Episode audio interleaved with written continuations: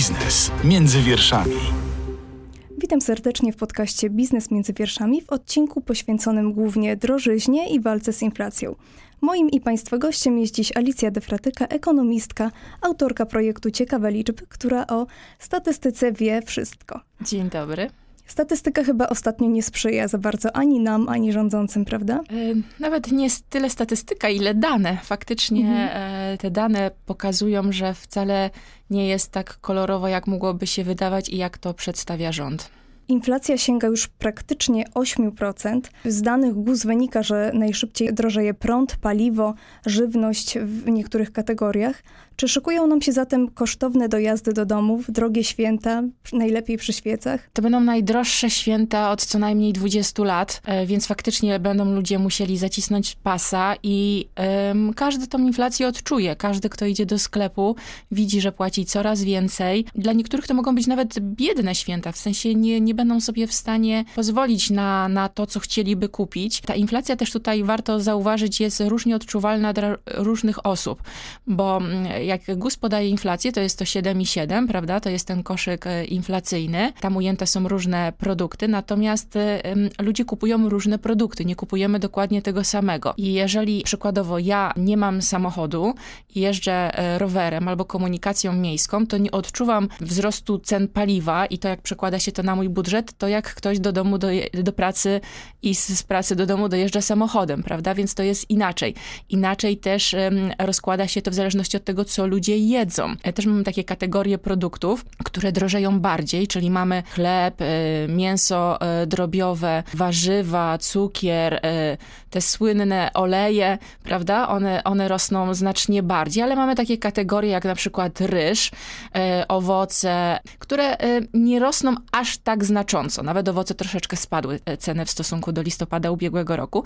No więc trochę takiego symbolicznego wymiaru nabiera ta miska ryżu, o której mówił kiedyś pan premier, bo może się okazać, że nie będzie nas e, stać na kupno chleba i ludzie będą musieli właśnie z braku pieniędzy przerzucić się na ten ryż. A na pewno Wigilię. E, Być może zastąpi tradycyjne dania tak zwana miska ryżu. Mis, miska ryżu, dokładnie. Chciałabym zapytać o przyczyny tej inflacji, tej wszechobecnej drożyzny i tutaj nawiążę do grafiki, którą jakiś czas temu pan premier opublikował na Facebooku. Ona mówi o przyczynach inflacji, właściwie takich zagranicznych, nie wynikających z polityki wewnętrznej, przyczynach e, drożyzny. I tam jako winowajcę wymienia Unię Europejską, jej politykę klimatyczną, tak zwany szantaż gazowy Rosji, no i rzecz jasna pandemia. E, to czynniki, które właśnie pan premier wymienił na grafice jako e, źródło inflacji. E, oczywiście, że czynniki zewnętrzne wpływają na tą inflację, natomiast e, e, według całego tego przekazu, który jest prowadzony przez Zjednoczoną Prawicę oraz Narodowy Bank Polski, właśnie wynika, że to tylko i wyłącznie czynniki zewnętrzne na to wpływają, natomiast tak nie jest. Oczywiście my nie mamy wpływu na ceny gazu, prawda? Natomiast kwestia polityki klimatycznej, no to rząd jest sobie sam winien, bo kierując naszą politykę klimatyczną, ona powinna być oparta głównie na węglu i nie przechodzenie na odnawialne źródła energii, no, no to siłą rzeczy to jest w pewnym momencie droższe właśnie te, ten handel uprawnieniami. Oczywiście, że pandemia e, COVID na to wpłynęła, bo bardzo dużo pieniędzy napłynęło na e, rynek, bo wszystkie państwa e, walczyły z pandemią, z, z jej skutkami, tak, żeby różnego rodzaju tarcze osłonowe wprowadzać dla przedsiębiorców oraz dla pracowników, żeby faktycznie nie spowodować tego większego bezrobocia i ten napływ gotówki na rynek e, zawsze powoduje, że ta inflacja jest e, wyższa. Natomiast to nie jest tak, że tylko i wyłącznie te czynniki zewnętrzne, bo e, jeżeli popatrzymy, jak to wygląda w stosunku, jak Polska plasuje się w stosunku do innych krajów, no to widzimy, że my jesteśmy w czołówce tej najwyższej inflacji. Jest też wskaźnik pokazujący inflację bazową, czyli po odjęciu cen żywności, cen energii, czyli tych czynników często, na które właśnie często powołuje się, się władza.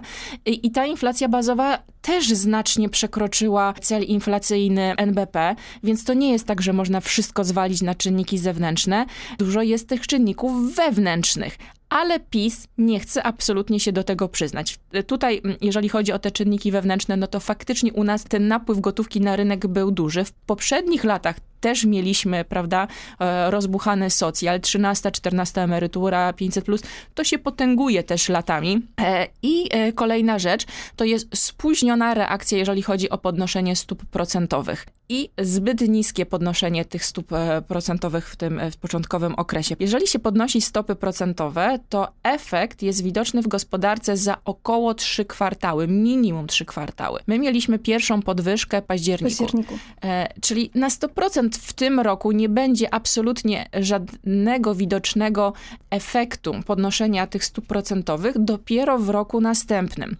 I tu też taka ważna rzecz. Wysłuchałam konferencji prasowej prezesa Glapińskiego, który tłumaczył się, że decyzje zostały podjęte w takim terminie, w jakim powinny być podjęte i te stopy są na takim poziomie, jakim powinny być. I nie porównujmy się do Czech. Tak, i, i, i podał jeszcze właśnie przykład, że skoro Czesi i Węgrzy podnieśli te stopy procentowe wcześniej niż Polska, a oni nadal mają tą wysoką inflację, więc to jest e, dowód pokazujący, że wcale ich polityka nie jest lepsza od naszej.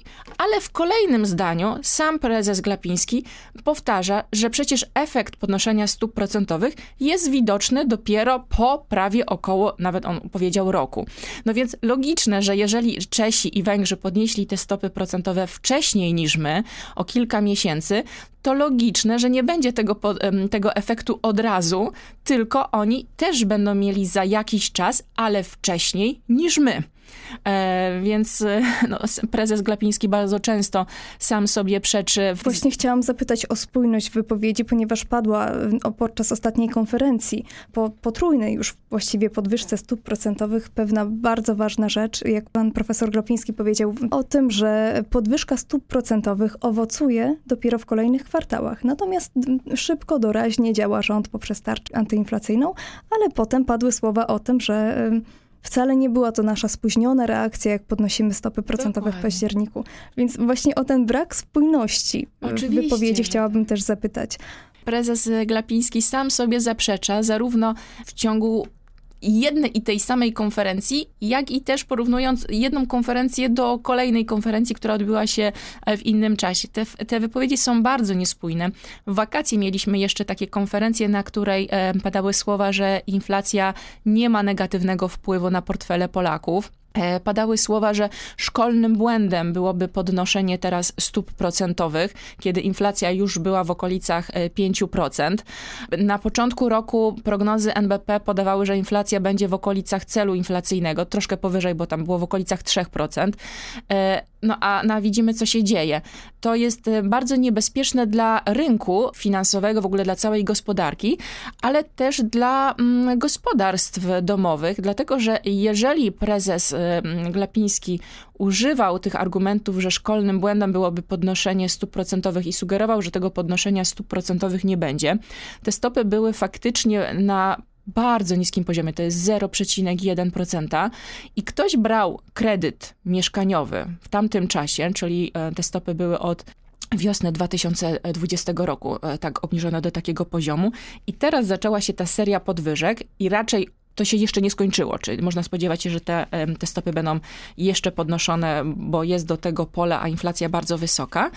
E, no to te gospodarstwa domowe, które brały kredyt, teraz te raty kredytu mają znacznie wyższe. Taki przeciętny kredyt y, na 300 tysięcy złotych na 25 lat mógł wzrosnąć już między 300 nawet do, do 400 złotych. Te kredyty na wyższą kwotę typu pół miliona wzrosły już e, prawie 5 500 zł, czyli te rodziny mają takie 500 minus. A mogły sugerować się właśnie też tym, że nie będzie podwyżek stóp procentowych, prawda? Więc mm, takie wypowiedzi, które no, wprowadzają w konsternację i rynki, i gospodarstwa domowe, są po prostu niebezpieczne. I mają konsekwencje. Dokładnie. Słuchasz podcastu Radia Z. Gdybyśmy my mieli taką inflację, jak jest e, średnia w Unii Europejskiej, to myślę, że wcale byśmy nawet teraz o tej inflacji e, nie rozmawiali. Też takie słowa padły, kiedy prezes Glapiński odwoływał się do innych krajów, że w Stanach Zjednoczonych inflacja jest najwyższa od 30 lat i to jest szokujące.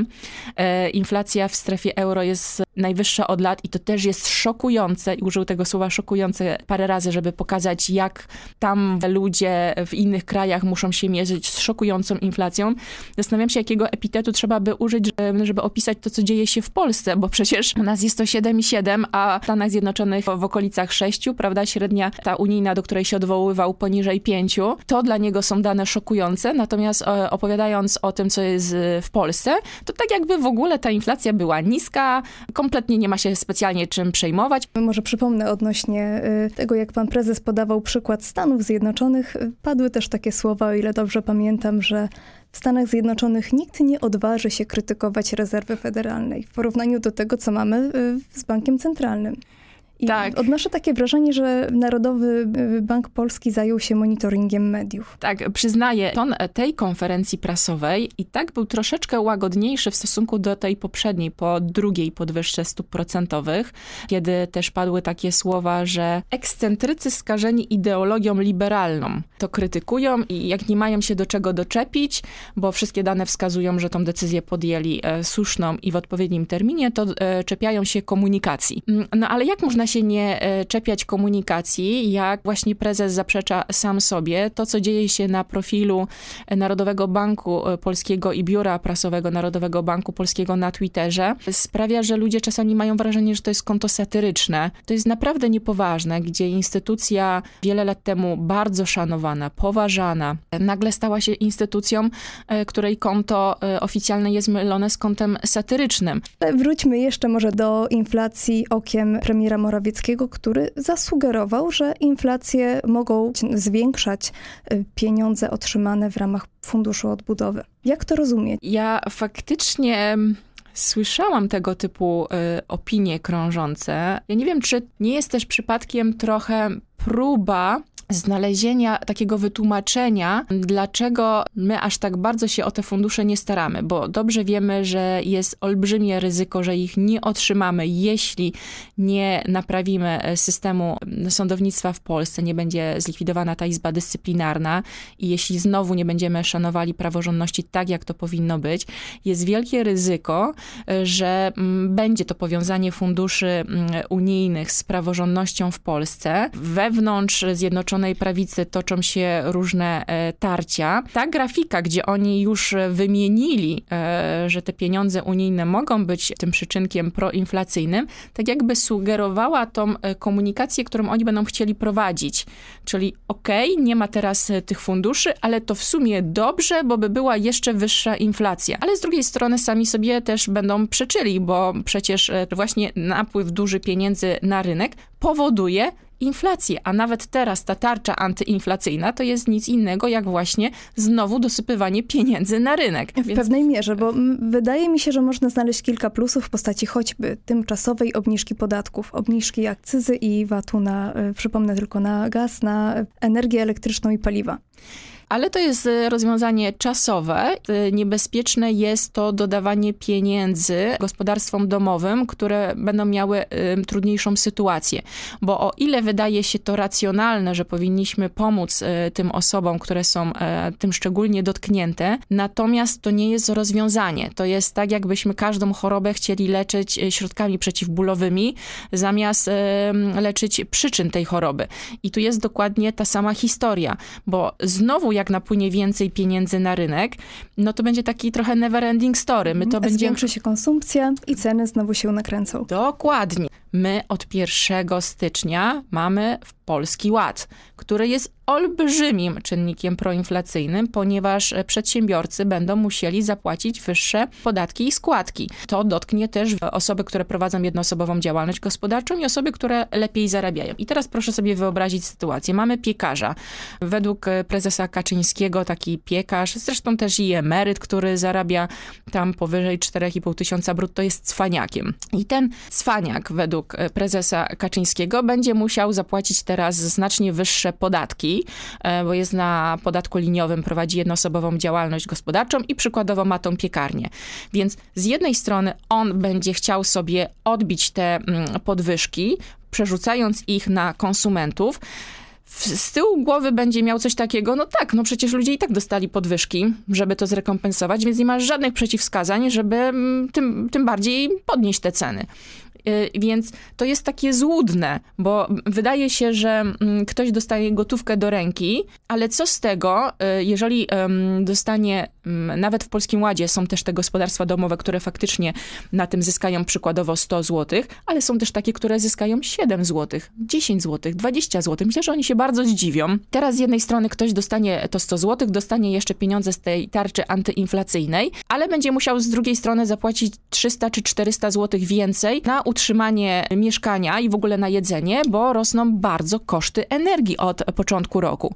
Też szacuje się, że to może być nawet 20%, więc z jednej strony ktoś dostanie te 100 zł czy nawet więcej, a z drugiej strony 300 przykładowo będzie musiał zapłacić, więc i tak będzie stratny. Tego ta tarcza antyinflacyjna jest trochę takim tylko plasterkiem, który według mnie ma sprawić, żeby nie przekroczono zbyt szybko tej psychologicznej granicy mm, inflacji dwucyfrowej i co w sumie też powiedział prezes Glapiński, że jak przestanie działać ta tarcza antyinflacyjna, to już wtedy będzie widoczny efekt tych podwyżek stóp procentowych.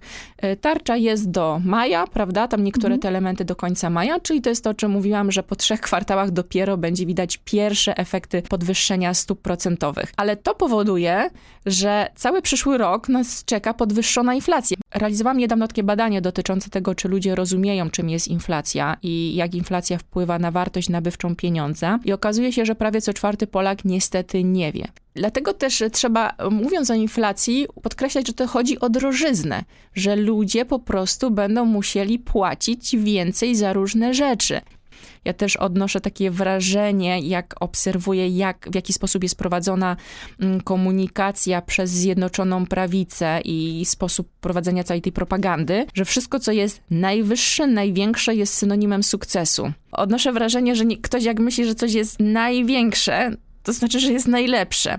Czyli jak u nas ta inflacja jest najwyższa, to niektórzy faktycznie sądzą, że... Wolałabym wierzyć, że tak się nie dzieje. E, no ale badania niestety potwierdzają, że tak może być. Że niestety tak może być. To jest ogromne zagrożenie też e, przez e, pryzmat tego, jak działa marketing rządowy, jak na przykład sprzedaje się głównie w telewizji polskiej reklamy dotyczące Polskiego Ładu. Tam nie ma ludzi, o których pani mówiła, tam nie ma przedsiębiorcy, który będzie musiał zwiększyć ceny. Tam nie ma też kowal Kowalskiego, który dostanie 100 zł, ale 200 zł wyda, ponieważ wzrośnie inflacja, ponieważ będzie też szereg innych czynników spowodowanych właśnie Polskim Ładem. Dokładnie tak. I nawet w tej komunikacji, to na co zwróciłam uwagę, pojawiają się takie hasła, że e, miliardy trafią do kieszeni e, Polaka, do, e, do kieszeni Polaków. Miliardy, to słowo miliardy. Polaka to by było lepiej. Języczałam się Polaków. Miliardy trafią do kieszeni Polaków i faktycznie ludzie mogą odnosić takie wrażenie, że wow, ile my tu zyskamy. I mogą się zdziwić, bo niektórzy mogą sądzić, że to będzie coś takiego trochę jak 500 plus, a to jest to, o czym powiedziałam. Niektórzy dostaną 7 zł, niektórzy dostaną 20 zł.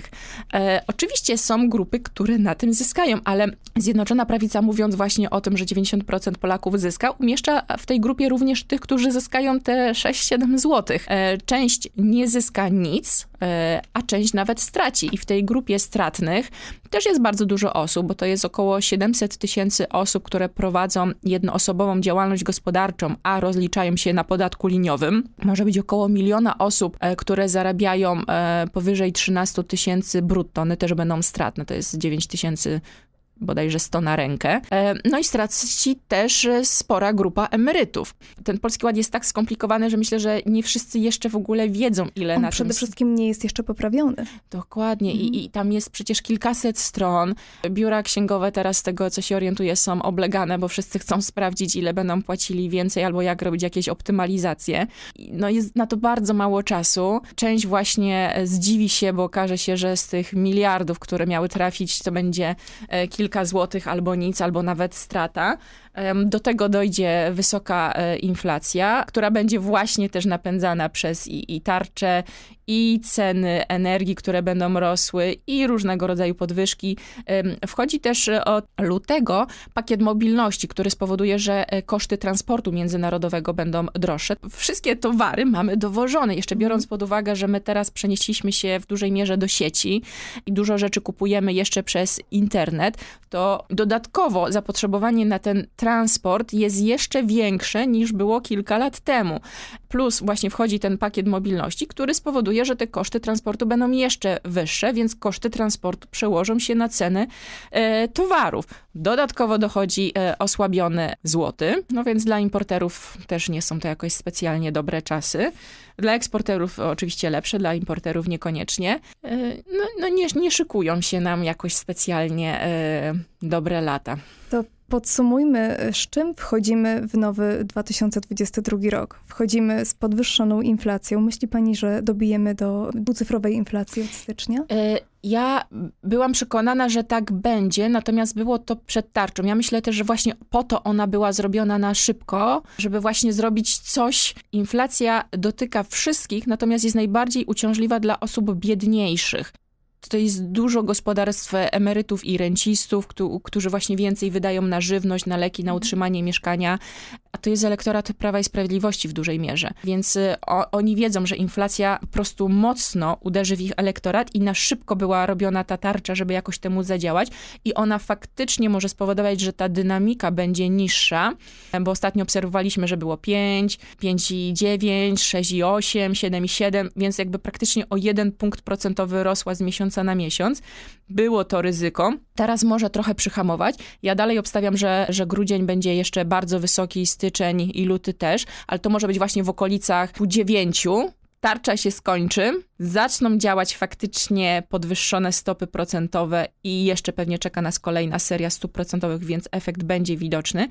Nie zmienia to faktu, że średnioroczna inflacja myślę, że może być w okolicach 6%. Zresztą w tym roku też zakładam, że to będzie w okolicach 6%. Szacunki były ostatnio w okolicach 5%, no ale tak jak mówiłam, one zazwyczaj są niedoszacowane.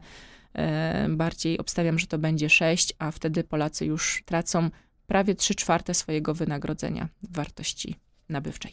Pani doradzała dzisiaj rządzącym, jak walczyć, jak zdrowo wyjść z podwyższonej inflacji. Zdrowo, czyli z korzyścią dla naszych portfeli tu i teraz. Zdrowo, czyli nie zadłużając kolejnych pokoleń też e, różnymi tam transferami socjalnymi.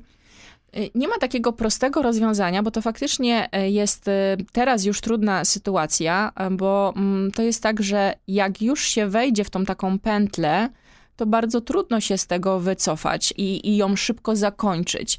Na pewno doradzałabym na przyszłość słuchanie ekspertów.